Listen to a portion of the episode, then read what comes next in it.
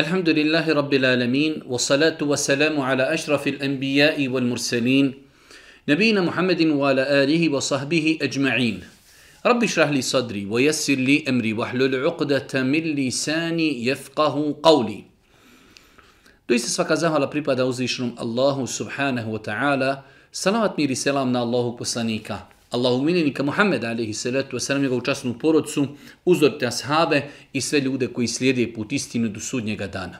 Uvažna braću i poštovani sestre, uvaženi gledatelji, evo nas u još jednu emisiju u kojoj se družimo sa vašim pitanjima i vašim dilemama. Ovo je naša 75. emisija. Po ko zna koji put ponavljamo E, da je doista mnogo, ali baš mnogo e-mailova koji stižu na našu adresu, ne samo desetine i ne stotine, pa čak i hiljade e-mailova stižu e, na naš e-mail e, adresu, tako da je nemoguće da svima odgovorimo, kako zbog mnoštva pitanja, tako i zbog težini određenih pitanja, tako da unaprijed tražimo halala od svih onih kojima ne odgovorimo na njihovo pitanje. Prvo pitanje kada obavljam namaz, imam kućnog ljubimca, papagaja, koji se ne odvaja od mene. Dok klanjam, bude mi na ramenu. Ili ispred mene hoda, pa me zanima, kvari li to moj namaz. E, pitanje je, znači, da li prolazak životinje ispred čovjeka kvari čovjeku namaz? Tačno je da e, prolazak spomenute životinje papagaja ne kvari čovjeku, ne kvari čovjeku e, namaz. S tim što je zabilježeno u vjerodostojnim hadisma da Allah poslanik jedne prilike klanjao pa ispred njega e, janje tijelo da prođe, pa ga je Allah poslanik pritisnuo za zid do te mjeri da se ono vratilo nazad. Pa na osnovu toga islamski učinjaci su kazali da je pohvalno da čovjek ako klanja prema nečemu, takozvana sutra, i e, bez obzira da li se radilo, ako se radi o čovjeku, čovjek će ga rukom zaustaviti, ako se radi o životinji, znači spriječit će da prođe ispred njega. E, ne da to kvari namaz, ali znači kako to ne bi umanjivalo njegovu nagradu. Tako da u ovom slučaju, pošto se radi o ptici, teško bi bilo e, možda signalizirati i skretati pticu da ne hoda ispred kanjača, ali možda ono što je rješenje jeste da se možda u period obavljanja namaza E, ptica stavi u kavez. Allah ne zna. Znači namaz je ispravan. Ako bi ispred čovjeka prošao njegov papagaj ili preletio ili hodajući prošao ispred njega, njegov namaz je ispravan, ali zbog toga što je Boži poslanik ali se leto se nam sprečavao životinje da prođu ispred njega kada klanja, znači bolje je pokušati spriječiti životinju. U ovom slučaju veoma je teško sprečavati pticu da prolazi ispred čovjeka, tako da možda je neko rješenje da čovjek dok obavlja namaz da zatvori pticu kavez. Imam neki problem, uglavnom sve mi smeta, sve mi ide na živce, komunikacija mi e, ne prija ni sa Ima muža i dijete s mužem, isto nikako mi se ne priča. Ili ako pričam, to je samo e, ono što moram i tako dalje. E, što se tiče namaza, obavljam samo sabah namaz, može li neki savjet? E, mislim da u ovakvim situacijama treba tragati za razlogom. Da li se čovjek tako ponaša, hajde da kažemo, davnina? Da li mu je takva priroda da jednostavno ne voli komunikaciju? Ako nije takav bio, onda mora biti razlog. Svakako razlog treba tragati u medicini, a može se, može se desiti da je to i plod džinsko-šitanskog djelovanja.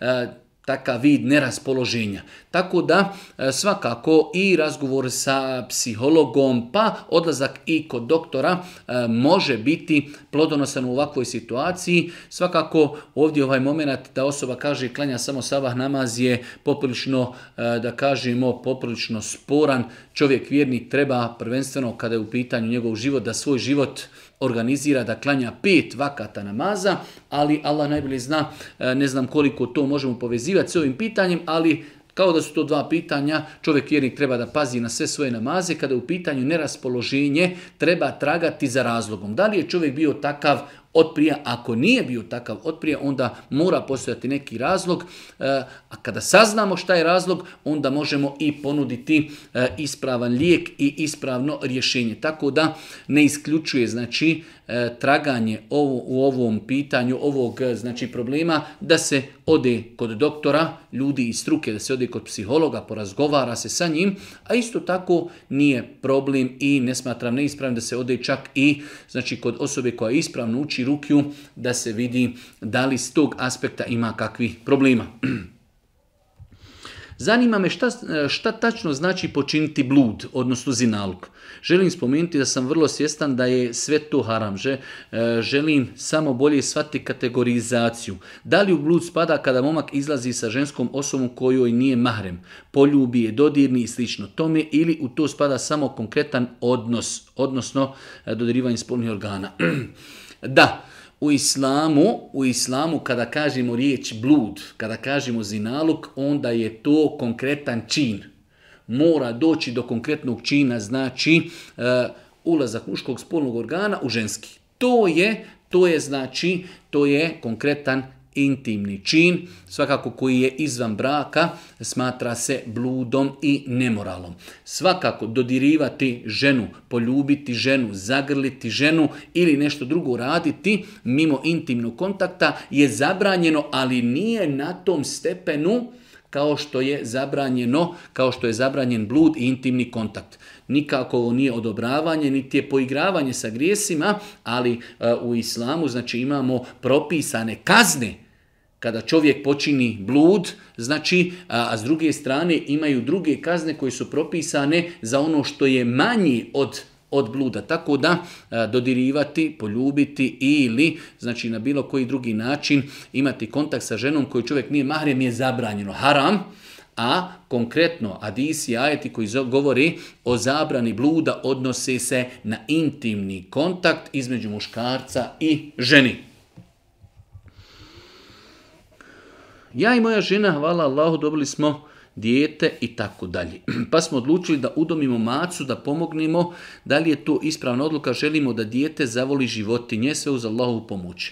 Nema ništa sporno u svemu tome da roditelji svome djetetu uh, obezbijede E, znači kućnog ljubimca, da se dijete od malene navikava na, na, životinje. Ne možemo ni reći da je to sad nešto pohvalno i da ima zato neki poseban sevap, ali da li je dozvoljeno? Da, dozvoljeno je. Znači više puta smo govorili da kućni ljubimac može biti maca, mogu biti ribice, može biti ptica i tako dalje. Ono što je po islamu zabranjeno jeste da čovjek ima pudlicu psa za kojim nema potrebe da bude kućni ljubimac. U vjerodostojnom na Allah poslanika ali se letu selam e, je upozorio na takav čin i ukazao je e, na pogubnost toga, a mimo toga znači životinje, da li možda zec, da li mačka, da li, e, da li ptice, da li znači ribe, sve te stvari su dozvoljene pod uvjetom da čovjek obezbijedi hranu, pod uvjetom da obezbijedi e, životinjama koji već sputa od krijetanja i traženja hrane, da im on obezbijedi hranu. Tako da u ovom slučaju nema ništa sporno da roditelji tu svome, kako bi se priviklo malo na životinje, kupe i nabavi mačku. Ehm, možete li, molim vas, odgovoriti šta se smije oblačiti ispred mahrema? Možete li mi kazati šta se može oblačiti ispred mahrema? Prvenstveno, znači kada kažemo riječ mahrem, misli se na muškarca s kojim žena nikada trajno ne može stupiti u brak. Svakako e, i, i sami mahremi nisu svi na istom stepenu i deređi. Ali e, ono što bi trebalo jeste da žena ispred mahrema, kada je znači u kući, e, da nosi E, nosi odjeću koja pokriva njene avrete i da nosi nešto što ne oslikava njeno tijelo, da to budu, e, ako su u pitanju majice, to budu majice dugi, znači da budu majice kratkih rukava ili košlja dugih rukava, da to budu suknje, znači da to ipak e, ne bude puku samo pokrivanje avreta, da to ne bude znači oslikavanje ženinog tijela, da to bude odjeća znači koja, hajde da kažemo u žargonu, doliči doliči da se jednostavno e, nosi pred amidžom, pred ocem, pred sinom, pred vratom.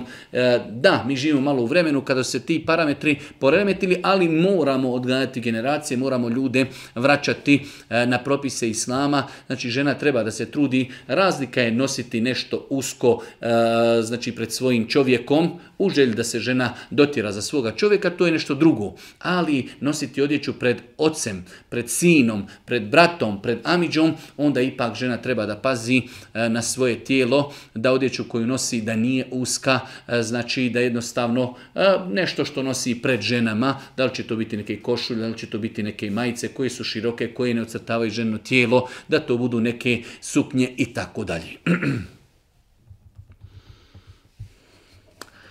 Imam jedno pitanje za vas, a to je da li postoji grijesi koji nikada neće biti oprošteni, bez obzira koliko se mi kajali i molili Allah Đelšanu.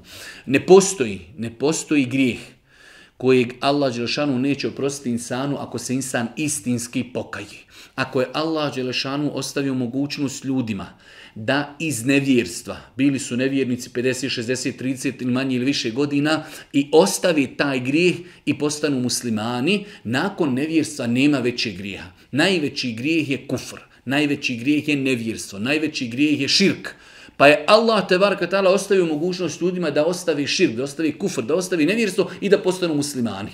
Tako da e, ne treba čovjek sebi dozvoliti ovakva pitanja postavljaju ljudi koji imaju vesvesa. Ostavljaju, postavljaju ljudi e, koji jednostavno šetan im ne da mira, uradili su neki grijeh, kaju se, ali i šetan muči i umara, ne, neće se to primiti kod Allaha, e, tvoj, tvoja teuba nije iskrena i tako dalje. Tako da čovjek vjernik ako je radio neki grijeh, istinski odluče se više nikad neće vratiti, znači e, pokaj se Allahu te barak vetala što je to uradio, prestani odmah sa činim tog grijeha i uz Allahu sve tala pomoć, Allah Đošanu će mu prositi grijehe koje je činio. Rekli smo znači e, svi grijesi Allah Đošanu će oprostiti insanu samo ako se istinski pokaje.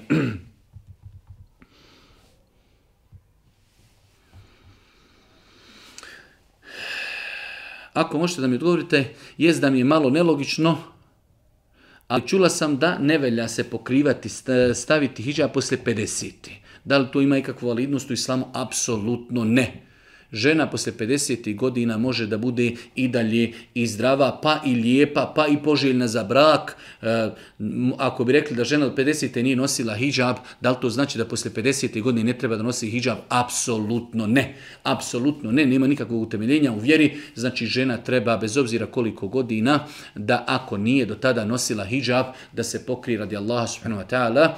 E, tako da e, neispravno, apsolutno neispravno ubjeđenje, neispravno tumačenje vjeri znači žena i sa 50 godina može da se uda, žena može biti fizički lijepa, može biti privlačna i da bila ili ne, i htjela se udati ili ne, bila lijepa ili ne, znači ona i dalje njena kosa, njena glava, znači njeno tijelo je avret, treba da ga pokrije bez obzira o koliko godina se radilo, tako da znači ostaju opći ajeti i hadis Božih poslanika u kojima se naređuje ženama punoljetnim da nosi hijab, da se pokriju. Tako da ograničavanje na 50 godina, ako je to žena kao uradila do 50, dobro jest ako poslije 50 da nije ispravno, takva konstatacija je netačna.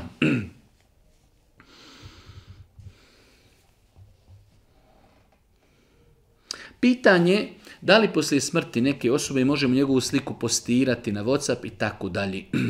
Proštavam sam da se to ne smije, ali eto želim odgovor. U svakom slučaju, e, ako se radi o slikama osobe dok je bila živa, znači mi smo jednom odgovarali na jedno od pitanja, to je da se slika osoba koja je mrtva. E, to su islamski učenjaci, da kažemo, e, i zabranili smatrali pokuđenim i bespotrebnim, ali ako čovjek ima sliku svoje, hajde kažemo, supruge, svoje majke, svoga brata, svoga oca, svoga amiđe i čovjek je e, preselio, umro, kao vid nekog sjećana na njega, upućivanja, dove za njega i tako dalje, ne vidim ništa loše u tome, znači ako to nije neka slika koja je, ima neku specifičnost, nešto što čovjek koji je umro ne bi volio da se objavljuje. Ako je to slika koja se za njegovog života objavljivala i on nije reagirao, nije imao problem da se takva slika objavi, onda ako Bog da ne vidim ništa sporno, znači e, da imamo sliku žive osobe za njegovog života, on se slikao i ta slika mi je imamo, ima i neko drugi, objavljivali smo je za njegovog života i on to nije negirao. Za razliku da se objavljuju neke slike gdje možda čovjek nije u nekoj lijepoj pozi ili nešto što on za života ne bi volio da se objavi, onda takve slike ne treba objavljivati ili e, govorili smo o slikanju medjita i objavljivanju takvih stvari, to ne treba. Ali da objavimo sliku e, svoga oca, svoga brata, svoje majke ili ne znam, nije Amidže ili nekoga, znači e, nakon njegove njegove smrti, ako je to normalna slika e, za koju on znao da postoji i nije vidio u tome ništa loše za svoga života, ne vidim nikakav problem da se objavi kao vid prisjećanja na njega, možda će ta slika postaknuti nekoga e, na razmišljanje, da uputi za njega Allah, te dovu, možda da uradi za njega neku trajnu sadaku i tako dalje. Tako da ne vidim ništa loše u tome. Deveto pitanje, eselamu alaikum poštovani šeji, zanima me da li je zabranjeno udatoj ženi pod hijabom u javnosti da ljubi grli se sa svojim suprugom. Imam želju da zagrlim i poljubim ženu kad smo u slastičarnu, na primjer, kad šetamo, kad sjedimo na klupi i slično. Ona to ne dozvoljava, morao sam se vama obratiti vaše mišljenje na cijeni. Pitanje znači čovjek koji je sa svojom suprugom negdje na javnom mjestu, slastičarna šeta, ju sjedi na klupi, da li imaju pravo i šerijetski, da li ispravno se poljubi. E, oni jesu jedno drugom halal u smislu da je njemu dozvoljeno da poljubi svoju ženu. Ali da li to raditi pred ljudima, znači to je minimalno što možemo kazati za takvu stvar, jeste da to ne doliči čovjeku vjerniku i zato ćemo vidjeti da ova žena to ipak nije prihvatila po svojoj fitri, po svome imanu, po svome stidu, ne doliči čovjeku vjerniku da se negdje u slastičarnoj poljubi sa svojom suprugom. Možda da se desi doista nešto vanredno, da čovjek čuje određenu vijest, pa možda da zagrli svoju suprugu kao vid e, čestitanja, suosjećanja, to je nešto drugo, ali poljubiti se onako, znači, na ulici, na klupi, šetajući u slastičarnoj, to je nešto što ne doliči čovjeku vjerniku, ipak je to sastavni dio intime, islamski učenjaci kada govori o intimi, ipak kažu da čovjek treba da pazi na sebe i svoju intimu, niti da komi pokazuje svoje intimne postupke, ovo je svakako sastavni dio čovjeku intime, tako da ne treba se čovjek vjernik poigravati sa sa takvim stvarima. Danas je prepoznatljivo da ljudi koji su nemoralni, ljudi koji su koji se nikoga ne stidi, oni takve stvari radi na ulici, vjernik bi trebao da bude daleko od toga. Pitanje broj 10. Da li je dozvoljeno prodavati ili kupovati robu koja nije originalna? zvanu kopiju od, od originala. da li je dozvoljeno kupovati kopije određene markirane robi. E, to pitanje možemo gledati kroz dvije prizme. Prva stvar e, da osoba koja prodaje, da li prodaje e, pod informacijom da je to original. Što znači imamo mi kopiju robi, neko je prodaje da je to original. To je laganje u kupoprodaji. Znači čovjek ako već prodaje kopiju treba da naglasi ili zbog cijene ili zbog kvalitete kaže ovo nije original, ovo je kopija.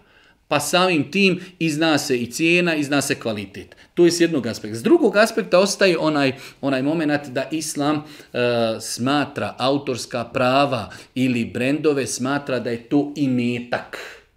I samim tim kopiranje tuđe robe je u islamu zabranjeno. Kopiranje tuđe robe je zabranjeno. Kupovanje takve robe je jedan vid pomaganja onoga koje je to činio. E sad imamo definitivno jedan veliki problem što danas na tržištu ako bi čovjek doista e, gledao da, da, da ne kupuje kopije određenih e, velikih brendova, imao bi određenu i poteškoću sebi naći e, kvalitetnu odjeću koju će nositi, tako da svakako, znači rekli smo s aspekta da čovjek koji prodaje treba ljudima da pojasni da je to kopija. E sada, da li e, ljudi da kupuju ili ne kupuju, rekli smo da Islam e, čuva autorska prava, Islam čuva e, ime, brand čuva, znači određenu inovaciju, ona ima svoju vrijednost u islamu, ali danas živimo doista u jednom teškom vremenu kada su se te kopije e, određenih brendova toliko proširile da je, neću reći nemoguće, ali je bi veoma teško bilo da čovjek živi e, da ne kupi nekada u životu određenu kopiju, tako da ako čovjek može to izbjegavati svakako da je ljepši, a ako i kupi svjestan je činjenci e, da je to kopija, znači ne da mu neko to podvali da je original, s druge strane taj ko je to proizveo udario je na autorska prava dotičnog brenda. Da li mogu biti otkrivena pred zetom od moje sestri? Znači muž od sestri. Žena ima sestru i njen muž. Da li ona može biti otkrivena pred svojim zetom? Znači dvije sestre su udate ili ne moraju biti obadvije udate, ali jedna je udata i ima muža. Ova druga, e, druga sestra, da li njen muž je mahrem, njenoj sestri nije. E, on ne može sa njom stupiti u brak dok je u braku sa prvom ženom.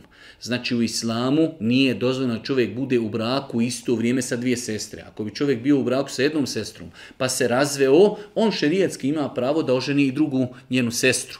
To je s aspekta samo, znači, jer je Boži poslanik ali se letu selam, Osman radijallahu ta'ala oženio ga je sa svoje dvije kćeri, jedna kćir, pa kada je ona umrla, oženio ga je sa drugom kćerkom, tako da eh, s aspekta islama čovjek je svojoj svastici privremeni mahrem dok je u braku sa njenom sestrom. Samim tim on nije trajni mahrem i ona, znači svastika pred svojim, pred svojim zetom treba da bude šerijatski pokrivena. Svastika pred svojim zetom treba da bude šerijatski pokrivena. E, znači u vremenu dok je zet sa njenom sestrom u braku, on je njoj privremeni mahrem privremeni mahrem, odnosno nije mahrem, čak neispravno kazati mahrem, privremeno ne može sa njom stupiti privremeno sa njom ne može stupiti u brak, ona pred njim treba znači da bude pokrivena.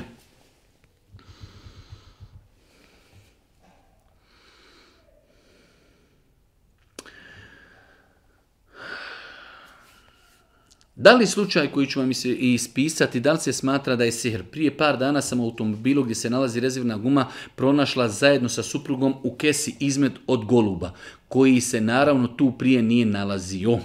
E, da li je to sihr ili nije. U svakom slučaju može to biti i vi sihra, a i ne mora biti. Ono što je nama bitno jeste da čovjek treba da tu stvar izvadi, da je uništi, da je baci, da je zapali, da je baci u smeće i znači da nastavi pod navnim znacima živjeti nekim normalnim životom u smislu da se čuva dodatno, da uči do, e, jutarnji zikr, večernji zikr, da uči znači sve ono što su islamski učenjaci preporučili kada je u pitanju čuvanje od sihra, čuvanje od uroka i tako dalje. Tako da, e, da li je to sihr ili ne, teško je to sada konkretizirati, kaže da ili ne ali e, čudna definitivno stvar da se nađe znači, u autu e, na takvom nekom e, skrivenom mjestu, može to biti sihra ali isto tako može uvijek se desiti e, neko od djeci da je stavio, a mehančar kada je nešto radio, zaboravio, stavio neku kesu i tako dalje.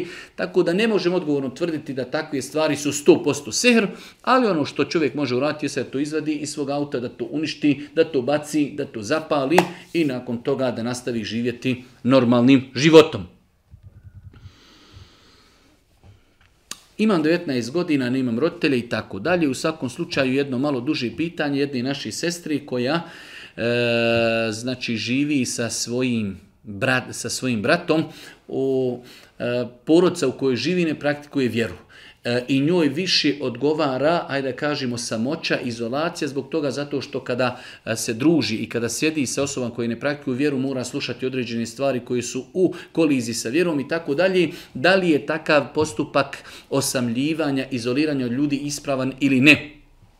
U svakom slučaju, e, generalno pravilo islamski učenjaci su govorili e, o tom jednom pitanju e, izoliranja od ljudi i osamljivanja, da li ono bolje od miješanja sa ljudima. Pa je ispravno i tačno da insan koji je jak imanski i može utjecati na ljude, da je bolje da se miješa sa ljudima, pa makar u datom momentu i vidi određene grijehe, pa nekada će ukazati, nekada će e, e, podići svoj glas protiv toga, nekada će vidjeti grijeh, pa će poslije kada bude ambijent lijep e, kazati da je to neispravno, nekada će se pozvati na ulemu, nekada će citirati ajet, nekada će, nekada će rukom, nekada će riječima, nekada će otići, znači jednostavno da bi ukazao da to što se radi je neispravno, tako da generalno gledajući E, treba davati prednost druženju sa ljudima nad izoliranjem i povlačenjem od ljudi. Ali isto tako i to povlačenje od ljudi ima svoju težinu gdje će čovjek zikriti, gdje će čovjek učiti, gdje će čovjek ibadetiti, educirati se.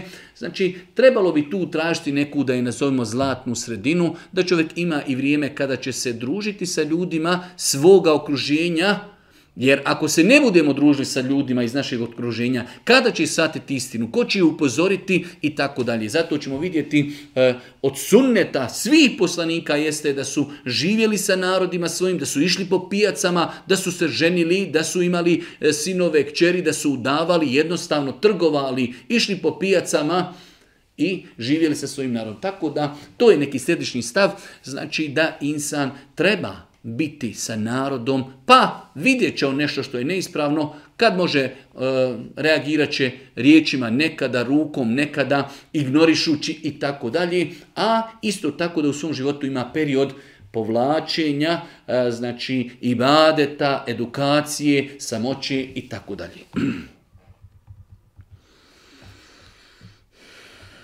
Da li je psovka i grijeh ako se kaže ti? pa onda se doda neka riječ. U našem narodu ima ta e, običaj da ljudi kažu ti i nešto dodaju na to. Ti, da li je to psovka ili ne? Generalno, čovjek bi trebao, bez obzira da li je to psovka ili ne, ipak je to nešto što ne doliči vjerniku. Ja mislim da je to, znači, znajući kako naš narod psuje, da je to jedna skraćenica od psovki. Znači da je tu jedna skraćenica e, od psovki ali teško bi to bilo odgovorno tvrti da je to skraćenica od nekih psovki, ali opet bez obzira, i ako nije psovka, to je nešto što koriste e, ljudi koji ne pazi na svoj vokabular. Nikada nećete čuti e, nekog političara, nećete nikada čuti nekog akademika, nećete nikada čuti nekog profesora, profesoricu, nastavnicu, doktora da kaže ti i nešto da nešto spoji sa tim. Tako da minimalno što se može kazati da takav način izražavanja je nešto što ne doliči vjerniku. Zbunjen sam kako treba žena seždu da čini u namazu. Jedni pišu da treba spustiti latove dole da se razlikuje od muškaraca, dok drugi pišu da je Mohamed rekao oklanjajte kako ste menja vidjeli i tako dalje, da se e, žena treba da podigne latove na seždi od zemlje i tako dalje. E, žena će biti zbunjena sve dok e, ne odluči u svome životu Eh, da odluči da onog momenta kada čuje za vjerodostojan hadis Boži poslanika ali se ratu sam da ga privata bez obzira bez obzira eh, na posljedice. Allahu poslanik ali se je kazao klanjajte kako ste mene vidjeli da klanjam. To se odnosi na muškarce i na žene. U vjerodostojnim hadisima je Boži poslanik praktično pokazao da je podizao znači, svoje podlaktice toliko da su kazali ashabi, znači ispod Božih poslanika i njegovi ruku bi moglo proći janje i njegovi znači, pazusi su se vidjeli, bjelina pazuha se vidjela koliko je podizao ruke od seđdi. Znači od zemlje na seđdi. To je jedna stvar. S druge strane, zabranio je Božji poslanik u vjerodostojnom da se spuštaju podlatice na zemlju. Nije rekao može muškarcima, e, ovo je zabran za muškarce, a nije za žene. Već je hadis općenit. Bilježi ga i Buharija i Muslim tako da znači insan ne treba da bude izbunjen. Kada mu se donese vjerodostojen hadis od Božih poslanika koji opće karaktera odnosi se na muškarce i na žene. Da, bilo je učenjaka i to je njihov ičtihad ali ne mora značiti da sve što su rekli učenjaci i sve što piše u mezhebu i sav njihov ištihad da je ispravan. Mi privatamo ištihad kada nema jasnog dokaza. Ali u ovim slučajevima imamo jasan dokaz, imamo hadis Božih poslanika, ali se letu i praktično pokazao i upozorio i zabranio da se ruke spuštaju na sežde, tako da i žena i muškarac prilikom činjenja sežde će podići, znači podlaktice od zemlji.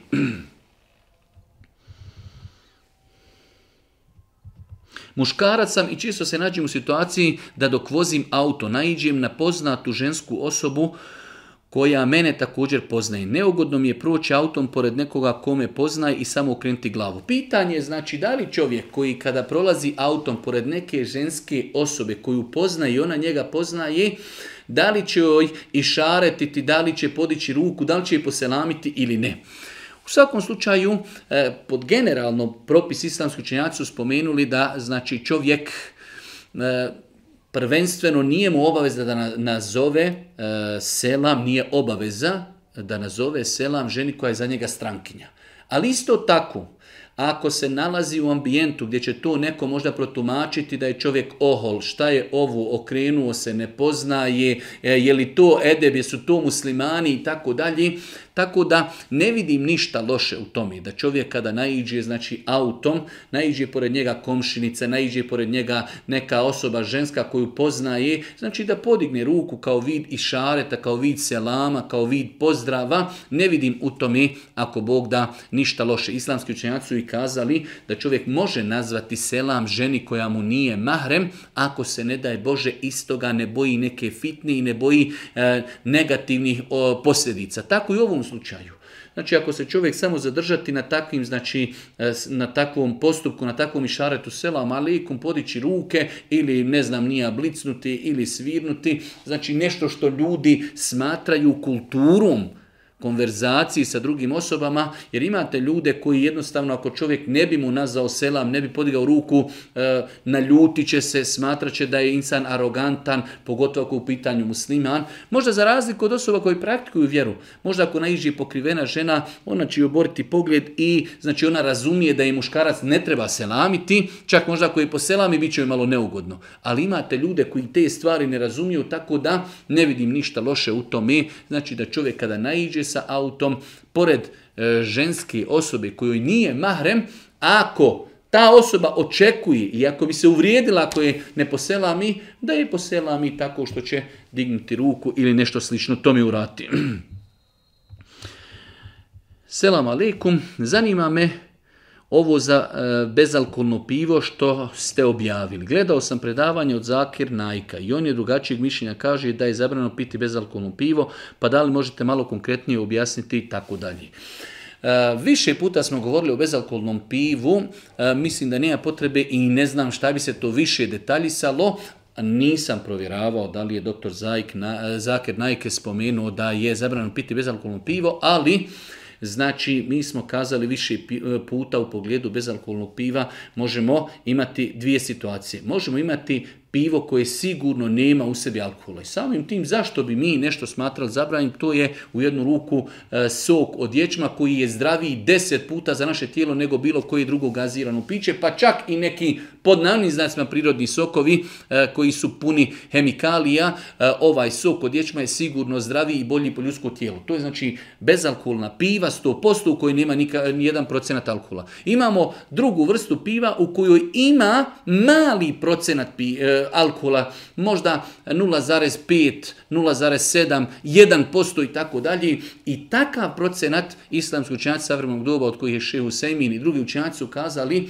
e, znači, e, da e, proizvodi, da li to bio sok, da li to bila piva, da li to bila čokolada, u kojima ima mali procenat alkohola, toliko malehan da mi kada bi konzumirali taj procenat u velikim količinama nećemo osjetiti uticaj alkohola na nas, nema smetnje da se konzumira. Nema smetnje da se konzumira, alkohol je zabranjen, čist, znači makar se ka, o kaplici radilo. Ali u ovom slučaju imamo, znači, kad bi uzeli primjera radi 100 litara vode i na ti 100 litara vode stavimo 10 kapljica alkohola. Da li ti 100 litara vode više ne možemo piti zbog 10 kapljica alkohola, zato što je to možda 0,1% alkohola u toj vodi? Apsolutno se ta voda može koristiti zato što nema više svojstva opojnosti zbog koje Islam zabranio alkohol. Alkohol je zabranjen zbog opojnosti.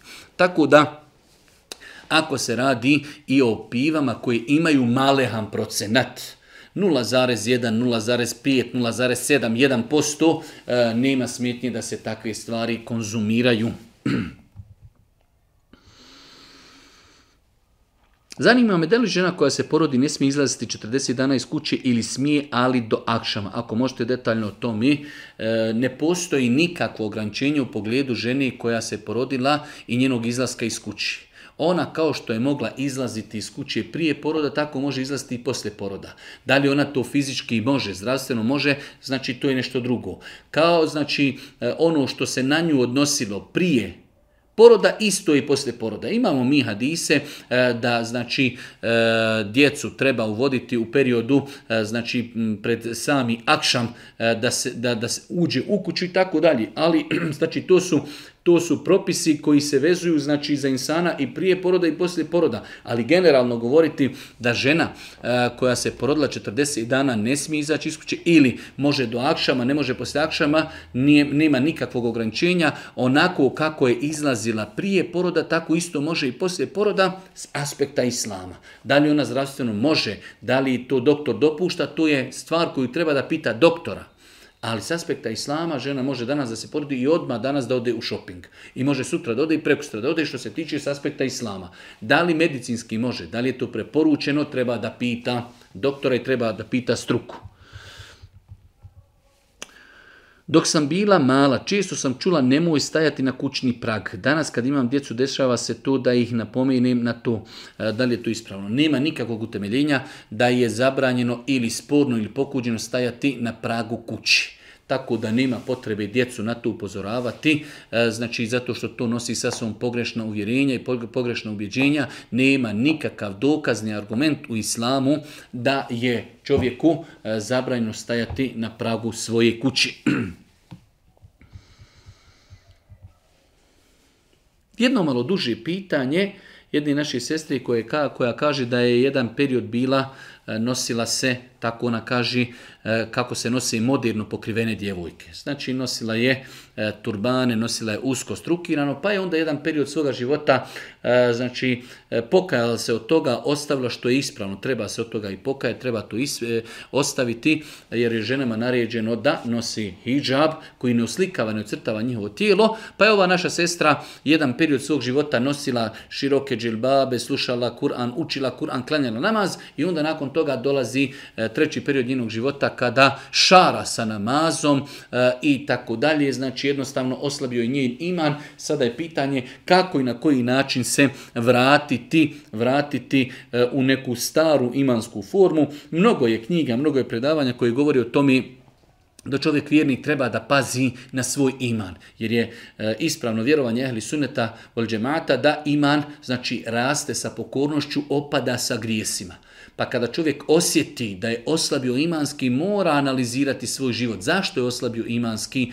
Da li ima tu grijeha, da li ima nemara, da li je zakazao i badetima, a mnogo je drugih opet načina kako jačati svoj iman, učenje Kur'ana, dova, namaz, druženje sa čestitim moralnim osobama, čitanje korisne literature, pristojanje predavanjima i tako dalje. Sve su to neke stvari koje čovjek treba u paketu truditi se što više da radi i učiti Kur'an i doviti i plakati i moliti i biti na predavanjima i znači čitati korisnu literaturu, družiti se sa čestitim moralnim e, vjernicima. Sve to, sve to može jačati čovjekov iman.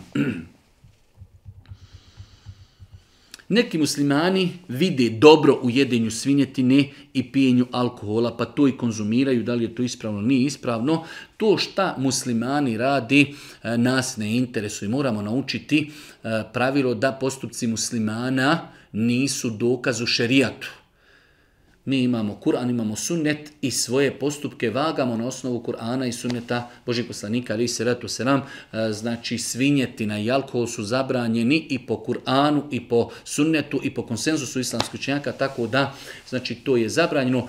To što neko u slabosti svog vjerovanja e, padne na tako nizak level i nivo da konzumira alkohol, da konzumira svinjetinu i on kao u tome vidi neku korist, ne vidi ništa u tome sporno, to je samo pokazatelj njegove slabosti. Ono što nam je gospodar zabranio moramo biti duboko uvjereni i ubjeđeni da je u tome šteta za nas na Dunjaluku, a svakako i ne daj Bože ahiretska kazna za onoga ko to bude činio znači na Dunjalku, čeka ga ahiretska kazna na ahiretu. Tako da e, čvrsto ubjeđenje i uvjerenje da to u osnovi šteti insanu, s druge strane e, zabrane i postoje da bi se vidjelo ko će biti pokuran, a ko će biti nepokuran.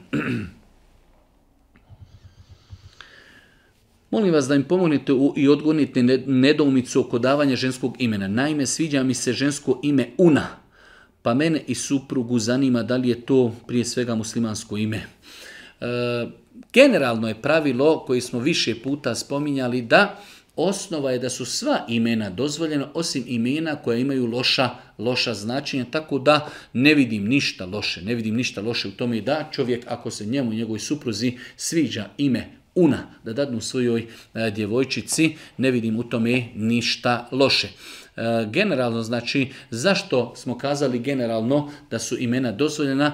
Imena ashaba, i Ebu Bekr, i Omer, i Osman, i Alija, sve su tu imena koja su oni dobili prije Islama. Pa je Allah poslanik sva imena ashaba kojih je bilo hiljede, ostavljaju ih onako kako su oni dobili imena prije Islama, osim par imena kada bi ljudi došli Božijem poslaniku pa mu kazali svoje ime. Pa ako bi to ime imalo loše značenje u arapskom jeziku, onda je Božji poslanik preporučio tom čovjeku da promijeni svoje ime.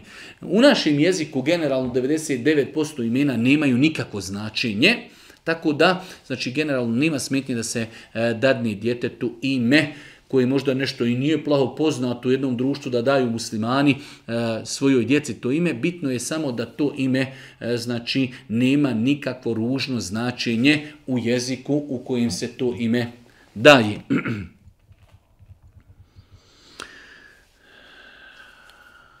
Zanima me zašto bi Bog stvorio ljude za koje je znao da će završiti vječno u džehennemu. Kako se tu uklapa sa Božjom milošću i mudrošću i tako dalje. Čovjek je malo napisao duže pitanje, e, kao nejasno mu je da uzvišeni Allah je znao da će neko od ljudi završiti u džehennemu, pa e, kao e, to se suprostavlja Allahovoj subhanahu wa ta'ala milosti da ima ljudi koji će biti u džehennemu. E, neispravan pristup ovom pitanju, apsolutno. Allah subhanahu wa ta'ala je znao gdje će ko završiti. Ali Allah Đelšanu čovjeku dao razum. Slao mu je poslanike i na osnovu znači svog razuma i onoga što smo dolazili poslanici mogao je da odabere put istine od neistine. Onog momenta nakon što je Allah Đelšanu dao čovjeku razum, na osnovu kojeg može spoznati istinu, poslao mu poslanike koji će uspostaviti protiv njega dokaz i on se ne pokori, onda taj čovjek neće Božju milost. Allah Đelšanu jasno ljudima kazao, onaj ko bude vjerovao, onaj ko se bude pokorao, njega čeka džennet. Onaj ko bude nevjerovao i onaj ko bude nepokoran, njega čeka džehennem. I onda tu, znači, nema nikakve kolizije sa Allahovom mudrošću, sa Allahovim, Allahovom milošću. Allah Želešanu stvorio čovjeka, dao mu razum i pojasnio mu put istine, put neistine. Budeš li robe išao putem neistine, budeš li nevjerovao, čekate kazna. Budeš li vjerovao, budeš li pokoran, čekate nagrada. I u svemu tome mi imamo slobodnu volju i mi smo na ispitu. Na sudnjem danu polažimo račun kao što idemo u školu, šta mislite da imamo nastavnicu koja je nako blaga, lijepa, mirna i oborila učenike, mi kažemo na kraju kako ste nastavnici, vi ste blagi, vi ste milostivi, vi oborili učenika. Oborila ga zato što ne zna. E tako, uzvišeni Allah jeste milostiv, ali uzvišeni Allah i žestoko kažnjava. Dao sam ti robe razum, imao si oko sebe toliko dokaza, slao sam ti poslanike, mu poslanici su imali muadžize, nisi tio da vjeruješ, nisi htio da vjeruješ zato što si bio ohol, onda budi spreman da budeš kažnjen.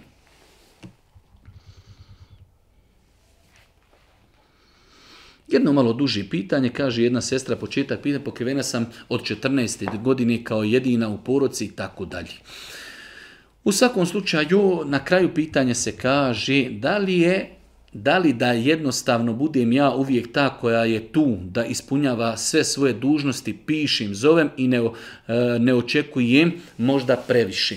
U svakom slučaju osoba koja praktikuje vjeru nema podrške svoje porodici e, i to se veoma često dešava u našem društvu da e, roditelji u datom momentu određeno dijete posebno tretiraju, tako da na način to dijete uvijek dolazi, uvijek zove, uvijek čini dobročinstvo i oni to ne primjećuju. Ima drugo dijete koje je arogantno, koje psuje, koje tuče, koje udara, koje vara i ono je uvijek ima neke privilegije, nemoj ga naljuti će se, pazi šta će on kazati, nemoj i tako dalje. Što je apsolutno neispravno sa strani e, roditelja. Ali ovdje je sad pitanje kako da se mi ponašamo. Mi treba da nastavimo da živimo islamski život, da ljudima dajemo njihova prava koja im je dao islam, da to radimo radi Allaha. La nuridu minkum jazaen wala shukura. Poslanici govorili svojim narodima, mi od vas ne želimo niti nagradu, niti zahvalnost. Mi to radimo radi Allaha. nema nut'imukum li wajhi Allah.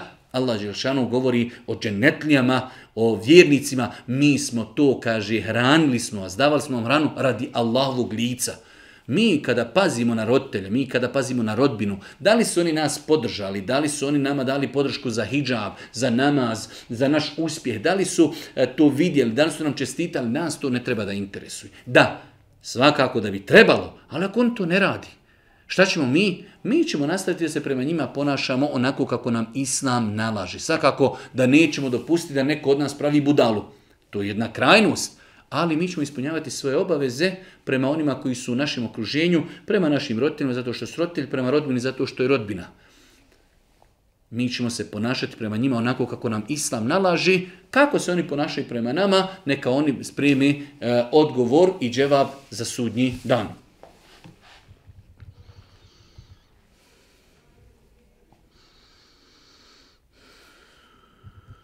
Jedno malo duže pitanje, u svakom slučaju žena kaže porodila je se, dijete u početku je kaže hudilo, plakalo je i tako dalje.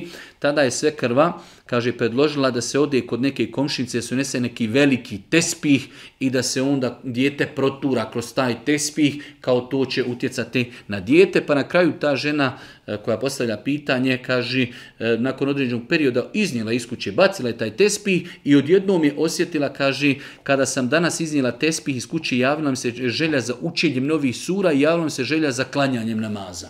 E, svakako e, da je neispravan postupak dijete ako plaći i dijete, ako, ako je, hajde kažemo, ne ponaša se prirodno, treba čovjek da ga liječi medicinski, možemo učiti on rukju, može učiti dove kao zaštita od uroka. Allah poslanik nas je podučio e, putem svojih unuka da im je učio onu poznatu dovu u ma bi Allahi tame min kulli šeitanin wahame wa min kulli ajnin lame. Znači Boži poslanik nas je podučio da djeci proučimo tu dovu, da učimo iznad njih sure zaštitnice kul valla, kul uzbira bil fela, nas. E, znači pa već djeca i kad odrastu da, da im damo naučenu vodu, da uče zikrove, e, pred spavanje, kada ustanu i tako dalje. Sve su to načini, pa ako ima potrebe i da im se uči rukja, sve to ispravno. Znači, dijete ako ima određeno neispravno ponašanje ili e, čudno ponašanje, onda se to rješava na ispravan način. A probacivati dijete kroz neke te spihe, to je vezivanje, e, znači, odnosno traženje lijeka u nečemu što u islamu nije lijek. Tespih nije lijek, tespih je od drveta, od plastike. Nema nikakve, znači, nema nikakve mogućnosti da na takav način rješavamo svoje probleme, tako da insan treba da pazi u svome životu kako živi, kako se ponaša, pogotovo kad su u pitanju te neke e, vanredne situacije e, gdje čovjeku dolazi do izraža. Kada je dijete bolesno, tada bi čovjek možda i po e, potegnuo i posegnuo za nekim stvarima koje su iškakljive samo da riješi svoj problem. Ne, tada i treba čovjek da pazi na svoje postupke, ako je problem dijete bolesno i šta znam plaći, tek tada dolazi do izražaja da je to nama ispit, da li ćemo posegnuti za nečim što je neispravno i ispravno. Tako da e, probacivati dijete kroz spih vjerujući da će mu to pomoći je neispravno, apsolutno nema nikakvog utemeljenja. U islamu dijete ili se liječi medicinski ili se riječi rukjom ili se liječi zaštitom učinjem dova koji je Boži poslanik ali se letu se nam preporučio. Zanima me šta se može učiti na vitr namazu ako ne znaš kunut dovu. Generalno, znači, ne postoje argumenti koji obavezuju čovjeka da uvijek kada klanja vitr namaz uči kunut dovu. Tako da E, znači čovjek kada klanja vitr namaz, može klanjati vitr namaz i sa dovom i bez dovi. Znači obje verzije klanjanja vitra su ispravne da čovjek znači samo prouči e, znači euzu, bismilu, fatihu i suru i nakon toga da e, klasično odi na ruku, vrati se sa rukua i odi na seždu, njegov vitr namaz je ispravan. Znači ispravno je klanjati vitr namaz bez kunut dovi. E sada, imamo drugu situaciju da želimo učiti kunu dovu, moramo li svi znati onu dovu koja je prenesena od Božeg poslanika, ali se letu selam, Allahum ehdina fimen hedeitu, afina fimen afeitu, tevallena fimen tevallitu, obarik lena fimen atajt, vokina bi rahmetike šarra ma i tako dalje do kraja dovi, nije ni to obaveza. Kao što možemo klanjati vitr namaz bez kunu dove. Isto tako, znači, e, ako ne znamo kunu dovu, možemo, možemo učiti bilo koju dovu, znači, e, nešto što je nama potrebno. Definitivno da je to najbolje učiti na arapskom jeziku, dove koje su zabilježene od Božih poslanika, ali se letu selam, kuranske dove, ali ako ne znamo i čovjek kada bi dovio na svome maternim jeziku, ako Bog da njegov namaz je ispravan i validan. 28. pitanje. Imam jedno pitanje za vas. Nova sam u vjeri, alhamdulillah. Allahom voljom, nakon dugog života u kršćanstvu prešla sam na islam. Dobili smo bebicu nedavno i zanima me da li je dozvoljeno bebu kupati u kupaoni ili je bolje u kadici u nekoj drugoj prostoriji. Znači, pitanje je mašo, neka sestra se vratila vjeri, pa dosta puta ti ljudi koji se vrati vjeri jednostavno e, tragaju i za najsitnijim stvarima, želi da si čitav svoj život uskladi prema islamu. Ja se nekada divim takvim osobama e, i osjećam se maleham malehan prema njima kako oni pazi da svaku stvar svoga života uskladi prema principima islama. Za razliku od nas koji smo se rodili u islamu, pored nas prolaze i vađibi, i sunneti, i mustahabi, dosta puta mi na te stvari osvrćemo se, Pitanje znači da li je definisano gdje i kako da se dijete kupa. Nije to definisano, čovjek će kupati svoju bebicu onako kako mu je najlakši. Ako mu je lakše kupati u kupatilu, nima smetnja to radi u kupatilu. Ako ima neku veliku kadu u kupatilu, kupat će u kadi. Ako je ambijent ne dozvoljava, želi da dijete kupa u dnevnom boravku nekoj kadici plastičnoj, znači ono što mu je najlakše tako će i raditi. Drugim riječima kazano nije definisano islamom gdje i na koji način će čovjek kupati svoje dijete.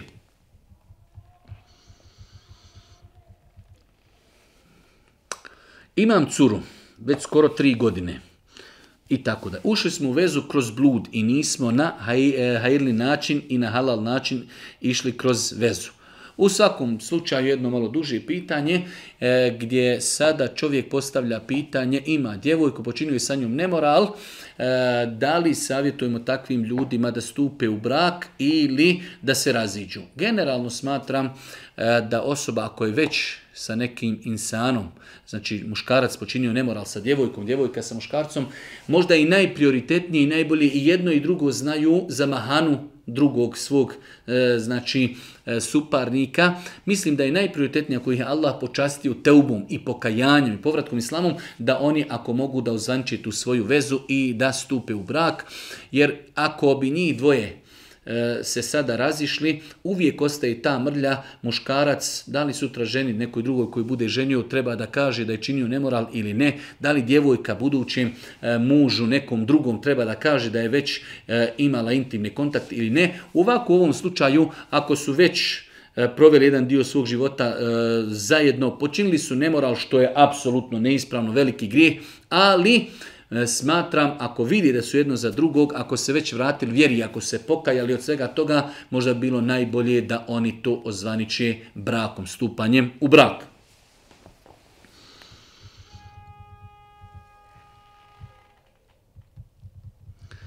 Evo nakon deset godina pretjerivanja u porocima Haman sam dno dotakao i odlučio sam da se vratim vjeri. Zanima, zanima me bili treba otići da mi neko uči rukju, trebam li uraditi hijjamu i tako dalje, hoće li mi dobrovoljni post pomoći da vratim iman.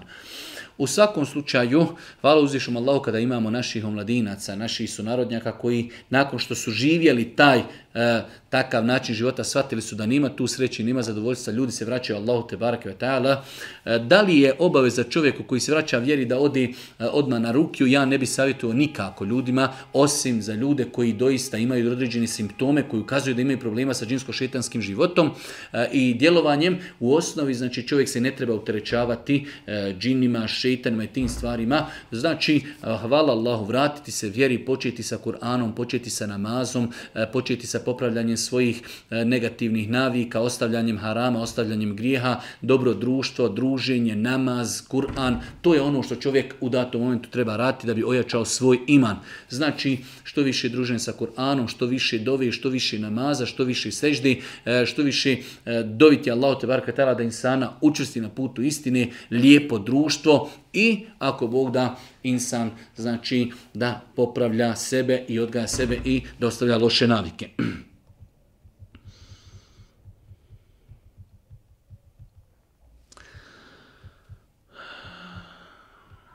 Pojavili se muslimani u današnje vrijeme koji su muslimani sami za sebe, obavljaju namaz na posebnim mjestima. ne klanjaju nikako u džamiji za džematom, već imaju oni svog pristavnika. Također ne idu na dženazu e, o bilo kojoj osobi da se radi, za njih Ramazan počinje jedan dan prije i tako dalje. E, znači, kakav je stav Islama prema tim ljudima. Eh, ima ovdje dosta osobina koje su, eh, da kažemo, eh, ima neke osobina koji mogu biti ispravni islamu, ima neki koje su neispravni. U svakom slučaju, kada je u pitanju prva stvar koja je spomenuta, kaže, obavljaju namaz na posebnim mjestima. Musliman vjernik treba da, ako klanja namaz u džematu, da treba da to bude u oficijelnim, poznatim mjestima koji se zovu džamije ili mesđiti. To je prva stvar. Znači vjerni čovjek koji želi da klanja namaz u džematu, onda treba da klanja namaz gdje klanjaju svi drugi ljudi, pa makar i po cijenu da u tim džamijama imaju određene novotarije s kojima se on možda i ne slaži, ali konkretno u nas u Bosni u samom namazu od riječi Allahu Ekber do predavanja selama nema ništa što je neispravno, možda imaju neke novotarije prije, e, znači namaza imaju neke poslije, ali mi smo došli u džamiju da klanjamo namaz, za Efendijom klanjamo od Allahu Ekber do predavanja selama, niko nas ne obavezuje da prije e, znači, stupanju namaz učestvujemo nešto što je neispravno, niti nakon predavanja selama. Tako da, e, znači, muslimani trebaju da namaz u džematu klanjaju u džamijama i u mesdžidima. E sada, kaže, oni ne klanjaju e, dženazu, namaz bilo kojoj osobi da se radi iz njihovog okruženja. tu možemo u datom momentu i razumjeti neke osobe, a isto tako generalizirati nikome ići na džinazu je neispravno. Osnova je da svaka osoba koja je za sebe tvrdila da je muslima, da treba klanjati takvoj osobi džinazu. Ali isto tako treba prihvatiti činjenicu da ima ljudi koji slijede učenjaka koji su smatrali da ostavljanje namaza izvodi čovjeka iz vjeri. Znači imate... E, ispravan stav, prihvatljiv stav koji je legalan u islamu, da je bilo učenjaka od kojih je u zadnjem znači, stoljeću Šehe ibn Baz i drugi veliki učenjaci koji su smatrali da osoba koja ostavlja namaz, makar jedan namaz, ta osoba više nije musliman. Tako da, e, znači, e, treba neke ljude, ako ne idu na dženazu zato što onaj koji umru nije klanjao namaz, treba im to prihvatiti zato što to ima utemeljenje. Ja lično ne smatram taj stav, ali ipak to ima u islamu i taj stav postoji i takav stav ima svoje dokaze. Isto tako zapostiti, e, znači nije obaveza zapostiti zajedno sa narodom, e, opet postoji jako razilaženje kod islamskih učenjaka u pogledu e, situacija koji su slične našim situacijama gdje imamo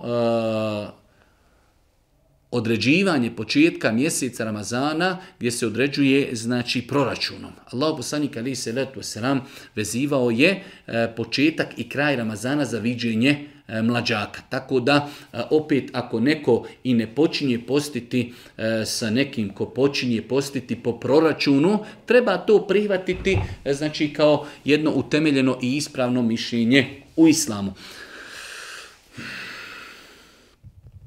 Imam jedno pitanje na koje nisam mogla naći e, odgovor.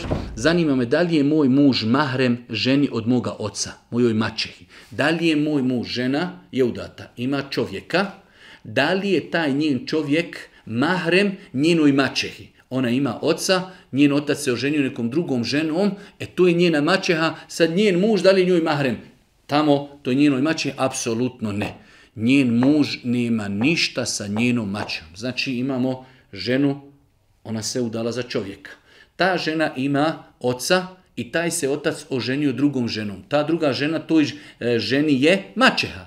Njen muž nema ništa sa tom mačehom. Da, da je to njena majka, to bi bila njemu znači punica i svakako da bi on njoj bio trajni mahrem. Ali ovo se radi o drugoj ženi koja nema nikakve veze sa njegovom suprugom, a kakve veze onda ima sa znači njenim čovjekom. Tako da znači e, muž od žene nije, nije mahrem njenoj mačehi.